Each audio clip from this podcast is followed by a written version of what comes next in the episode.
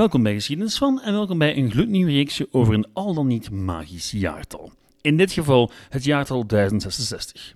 Misschien doet dat niet onmiddellijk bij iedereen een belletje rinkelen, maar sowieso wel bij Britten en bij al wiens land ooit onder de Britse kroon heeft geresideerd. En dan hebben we het min of meer over een derde van de landmassa op deze planeet. 1066 of 1066 is voor velen het beginjaar van de glorierijke geschiedenis van Engeland en bij uitbreiding Groot-Brittannië. Maar waarom eigenlijk? En wat gebeurde er dan precies in dat magische jaar 1066 en wat gebeurde er daarvoor? Wel, dat gaan we uitzoeken in dit reeksje over 1066. Komen vandaag al aan bod Britten, de oude Belgen, onze vriend Julius Caesar, Angelen, Saksen, Friezen, Vikings en het graafschap Vlaanderen. Want jawel, ook de Vlamingen van Waleer spelen een niet te onderschatte rol in dit hele verhaal. Dat en meer in deze aflevering van Geschiedenis van.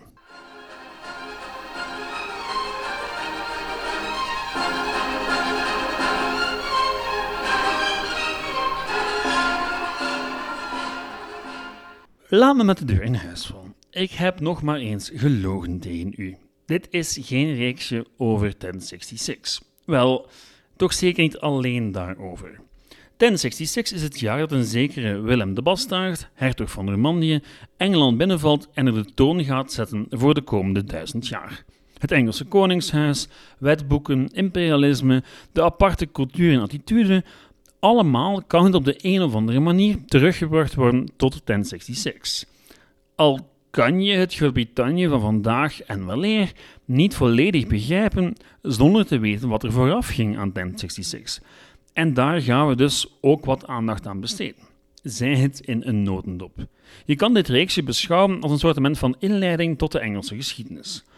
Omdat ik er zin in heb, maar vooral ook omdat meerdere onder u ernaar gevraagd hebben. En wel, ik maak deze podcast tenslotte niet enkel alleen voor mezelf, maar toch vooral voor jullie. Engelse geschiedenis dus. Die Engelse geschiedenis van voor en rond 1066 is trouwens extra boeiend voor ons, want onze regio speelt er een grote rol in. Of het nu de oude Belgen waren of de graven van Vlaanderen, altijd opnieuw ga je de bewoners van wat nu Vlaanderen, België en Nederland is, zien opduiken. Als bondgenoten, handelaars, piraten, beschermheren enzovoort. Een geschiedenisje van het vroege Engeland is dus eigenlijk evengoed een geschiedenis van onze streken.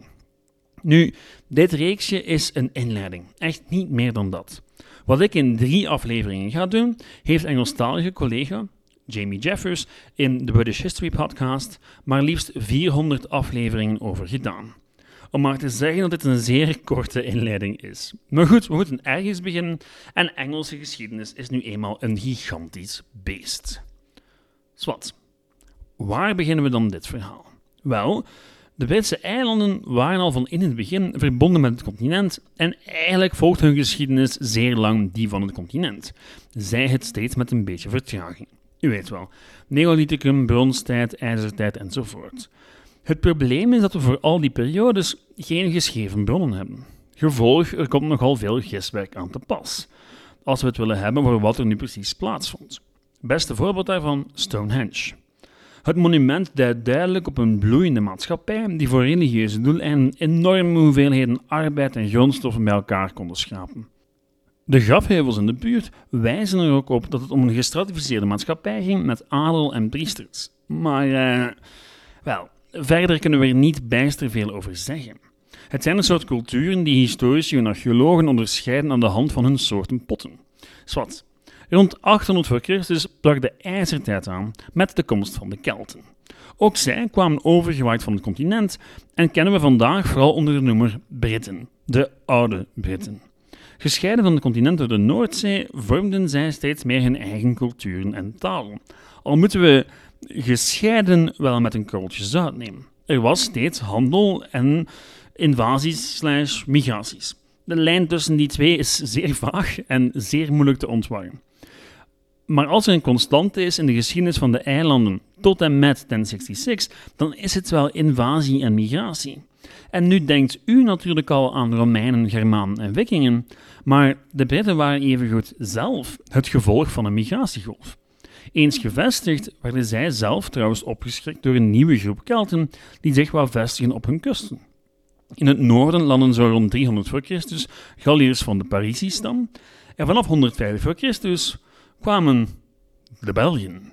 Jawel, de Belgae, de stam die uiteindelijk verslagen zou worden door Julius Caesar, die vestigden zich massaal in het zuiden van Groot-Brittannië. Het gekke is dat zelfs al deze Keltische invasies al het patroon gaan vormen dat we keer op keer zullen zien terugkeren in dit reeksje.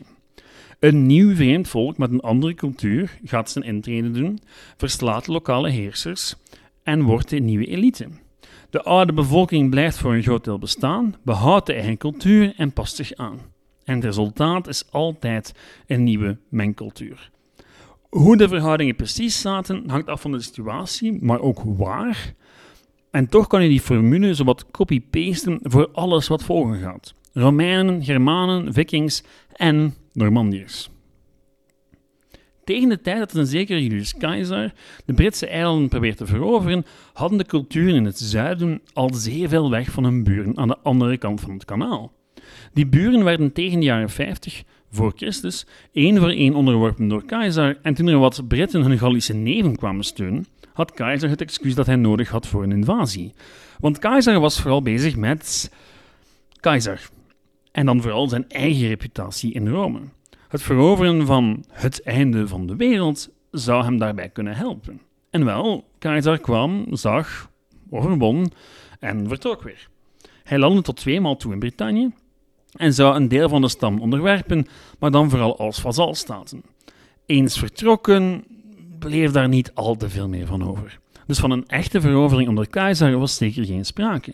Maar de Britten werden wel in de Romeinse invloedssfeer getrokken, en dat zou verregaande gevolgen hebben. Een ander boeiend neveneffect is dat keizer voor de eerste geschreven bronnen zorgde over de Britse eilanden. Hij hield namelijk een uitgebreid verslag bij voor de Senaat in Rome, datzelfde verslag van de Belgen zijn de dappersten aller Galliërs. Trouwens. Het geeft ons een idee hoe de Britten leefden voor de beschaving wortel zou schieten. Het binnenland van Groot-Brittannië wordt bewoond door degenen van wie wordt gezegd dat ze volgens traditie in het eiland zelf geboren zijn. Het kustgebied wordt bewoond door degenen die het land van de Belgae zijn overgestoken om te plunderen en oorlog te voeren. Bijna allemaal worden ze genoemd naar de namen van de staten waaruit ze afkomstig zijn. En nadat ze oorlog hadden gevoerd in Brittannië, bleven ze daar en begonnen ze het land te bewerken. Het aantal mensen is ontelbaar en hun gebouwen zijn buitengewoon talrijk, grotendeels erg op die van de Galliërs lijkend. De meest beschaafde van al deze naties zijn zij die Kent bewonen, dat volledig een kustgebied is, en zij verschillen niet veel van de Gallische gebruiken. De meeste bewoners van het binnenland zaaien geen graan, maar leven op melk en vlees en dragen huiden. Alle Britten werven zich inderdaad met weden, wat een blauwe kleur veroorzaakt, en daardoor hebben ze een angstaanjagender uiterlijk in gevechten. Ze dragen hun haar lang en scheren elk deel van hun lichaam, behalve hun hoofd en bovenlip. Tot daar de heer Julius Keizer. Voor wie onze aflevering over Ambiorix beluisterd heeft, klinkt dit waarschijnlijk bekend in de oren. Hoe dichter bij Rome, hoe beschaafder. Die beschaving gaat zich na de komst van Keizer steeds verder uitspreiden. Het zuiden van Brittannië was altijd al afhankelijk geweest van de handel met het continent, en nu heel Gallië in handen van de Romeinen was, betekende dat handel met de Romeinen. En bij gevolg zijpelden de Romeinse goederen en cultuur het land binnen, en natuurlijk begon Rome zich net als elders te moeien met lokale politiek. En bij gevolg was na de invasie van Keizer een volgende invasie en een uiteindelijke annexatie zowat onvermijdelijk op de lange termijn. En die kwam er dan ook, in 43 na Christus. Het zuiden viel al snel en in de 20 jaar die volgden werden zowat heel hedendaags Engeland en Wales geannexeerd. En ja, er waren nogal spectaculaire opstanden, met onder meer de roodharige Boudica, maar op het einde van de rit waren de Britse stammen niet in staat om de Romeinen een halt toe te roepen. En die Britten, die werden Romeins. Of toch een groot deel van hen, net zoals overal elders waar de Romeinen neerstreken. Nu, romanisering is een fantastisch concept, want het vond zowat overal plaats waar het Romeinse Rijk zich vestigde. De lokale elite werd, vaak uit praktische overwegingen, zo Romeins mogelijk en vlug of laat zijpelden die ideeën door naar de rest van de bevolking. Gevolg van het hedendaagse York in het noorden van Engeland tot het hedendaagse Jeruzalem heerste niet alleen hetzelfde rijk, maar leefde ook min of meer dezelfde cultuur. Toch zeker bij de elites. Ja, er waren lokale varianten natuurlijk, maar doorgaans sprak de elite er Latijn, werd de lokale stad geregeerd door een lokale senaat naar Romeins model en werden er allerhande Romeinse goden aanbeden. Zo ook in hedendaags Groot-Brittannië. Het boeiende aan Brittannië is dat het een grensprovincie was en dat er dus legionairs vanuit het hele keizerrijk naar daar gestuurd werden. En zij brachten hun cultuur met zich mee. En vooral rond de muur van Hadrianus waren er een heleboel forten waar rond steden zouden gaan ontstaan. York is daar een fantastisch voorbeeld van. En in die steden had je dus cultussen voor lokale godinnen uit Klein-Azië, hedendaags Turkije. Brittannië maakte deel uit van de grote wereld. Er waren ook Romeinse baden, denk maar aan de stad Baat, jawel, en een heleboel ruïnes gaande van forten tot villa's. Brittannië ontwikkelde zich in die periode tot een plek met een heleboel steden, met handel, met nijverheid.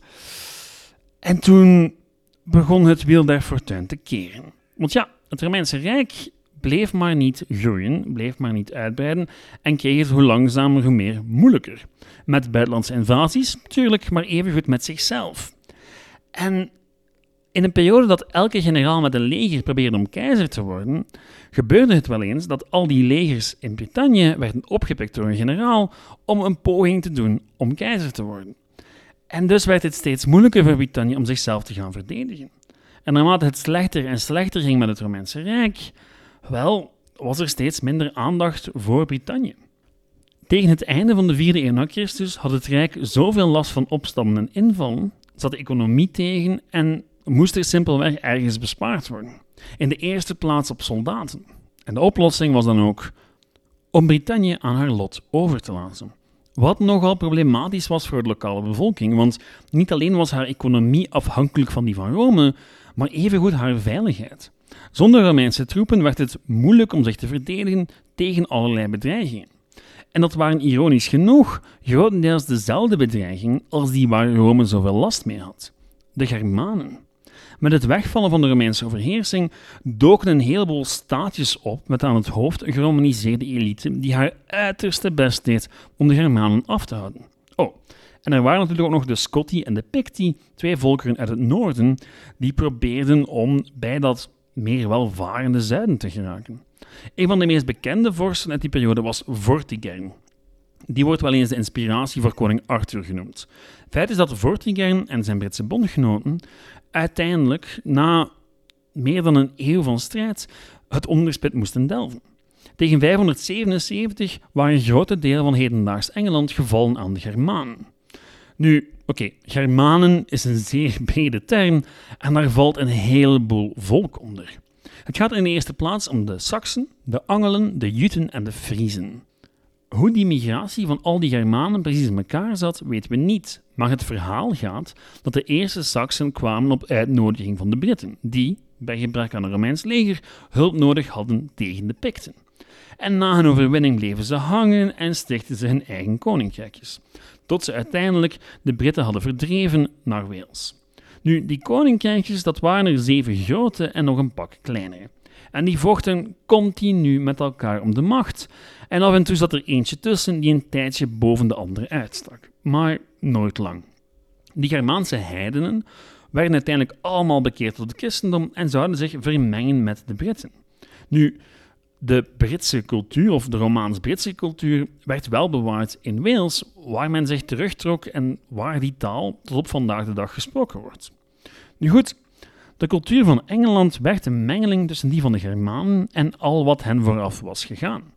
Tegen de tijd dat zich een eigen cultuur en taal ontwikkelde echter, werd die alweer bedreigd door nieuwkomers, zijnde de Vikings of de Noormannen.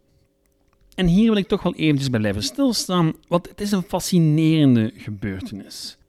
Voor de Anglo-Saxen kwamen die aanvallen als een soort van straffe gods. Ze begrepen maar niet waarom zij gestraft werden en wat er eigenlijk allemaal aan het gebeuren was met hen. Nu, het officiële startschot, of het wordt toch vaak zo beschouwd door historici, is de plundering van het klooster van Lindisfarne in 793. Lindisfarne, oftewel Heilig Eiland, was een zeer belangrijke pilgrimsplek en dus ook zeer rijk met een abt, met een bisschop enzovoort. Nu, ik ga enkele fragmentjes voorlezen uit bronnen van die tijd en het geeft mooi weer op welk niveau de dreiging van de Noormannen geplaatst werd door de Angelsaksen. uit de Anglo-Saxon Chronicle. Hier kwamen vreselijke voortekenen over het land van Northumbria en maakten de mensen ellendig bang. Dit waren immense bliksemschichten en vuurdraken die in de lucht werden gezien.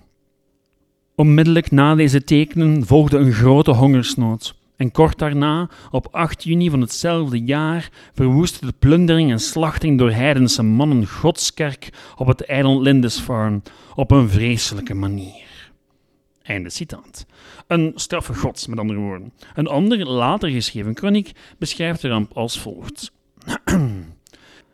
In hetzelfde jaar kwamen de heiden uit de noordelijke regio's met een maritieme kracht naar Groot-Brittannië, als stekende horzels, en verspreidden zich aan alle kanten als angstige wolven, beroofden, scheurden en slachten, niet alleen lastdieren, schapen en runderen, maar zelfs priesters en diakens en groepen monniken en nonnen.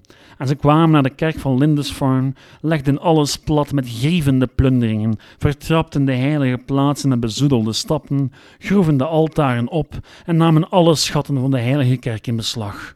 Ze doden sommige van de broeders, namen sommigen mee in boeien, velen joegen ze weg, naakt en beladen met beledigingen. Sommigen verdronken ze in zee. Nogal duidelijk wat de Angelsaksen dachten van hun nieuwe bezoekers. Elquin, een geleerde het noorden van Engeland, aan het hof van Karel de Grote, die schrijft het volgende erover in een brief. Zie, het is bijna 350 jaar geleden dat wij en onze vaders dit meest mooie land bewonen. En nooit eerder is er zoveel terreur verschenen in Groot-Brittannië als wat wij nu hebben geleden van een heidensras. Nog werd gedacht dat zo'n invasie van het zee gemaakt kon worden. Zie, de kerk van St. Cuthbert bespat met het bloed van de priesters van God, beroofd van al zijn ornamenten. Een plaats die meer eerbiedwaardig is dan alle andere in Groot-Brittannië, wordt gegeven als prooi aan heidense volkeren. Einde citaat. Iets wat ironisch als je het mij vraagt, want wel, zo'n 350 jaar eerder waren het de voorouders van Elquin die als heidenen waren neergestreken in een christelijk Brittannië. Maar goed, Gezien wat volgt kan je de Engelse verbazing wel snappen. Het zal niet blijven bij bloedige plunderingen, maar met verloop van tijd gaan de Noormannen niet langer huiswaarts, maar gaan ze zich vestigen en bouwen hun eigen koninkrijkjes uit, net als de Angelsaksen voor hen. Al laten die Angelsaksen zich niet doen. De strijd tegen de Noormannen gaat vreemd genoeg de basis vormen van het hedendaagse Engeland. Waar de verschillende Angelsaksische koninkrijkjes elkaar eeuwenlang in evenwicht hadden gehouden, was er plots een reden om een gemeenschappelijk front te vormen. Om een koninkrijk te vormen. Om Engeland te vormen. En dat is een fascinerend verhaal, maar voor volgende week. Ik weet het, ik heb me nog geen woord gerept over de Normandiërs of 1066, maar ik heb me een beetje laten meeslepen tijdens het schrijven van dit script. Wie had dat verwacht? Bijgevolg krijgt u volgende week een verslag van de strijd tegen de Vikings, het ontstaan van het Koninkrijk Engeland en de aanloop naar 1066. Dit allemaal in de hoop dat ik het er in de derde aflevering ook daadwerkelijk over ga kunnen hebben. In de tussentijd mag u mail sturen en berichten sturen naar geschiedenisvan.outlook.be, het e-mailadres, de Facebookgroep Geschiedenis van en de website geschiedenisvan.be. Heel erg bedankt voor het luisteren en tot volgende week. Ciao!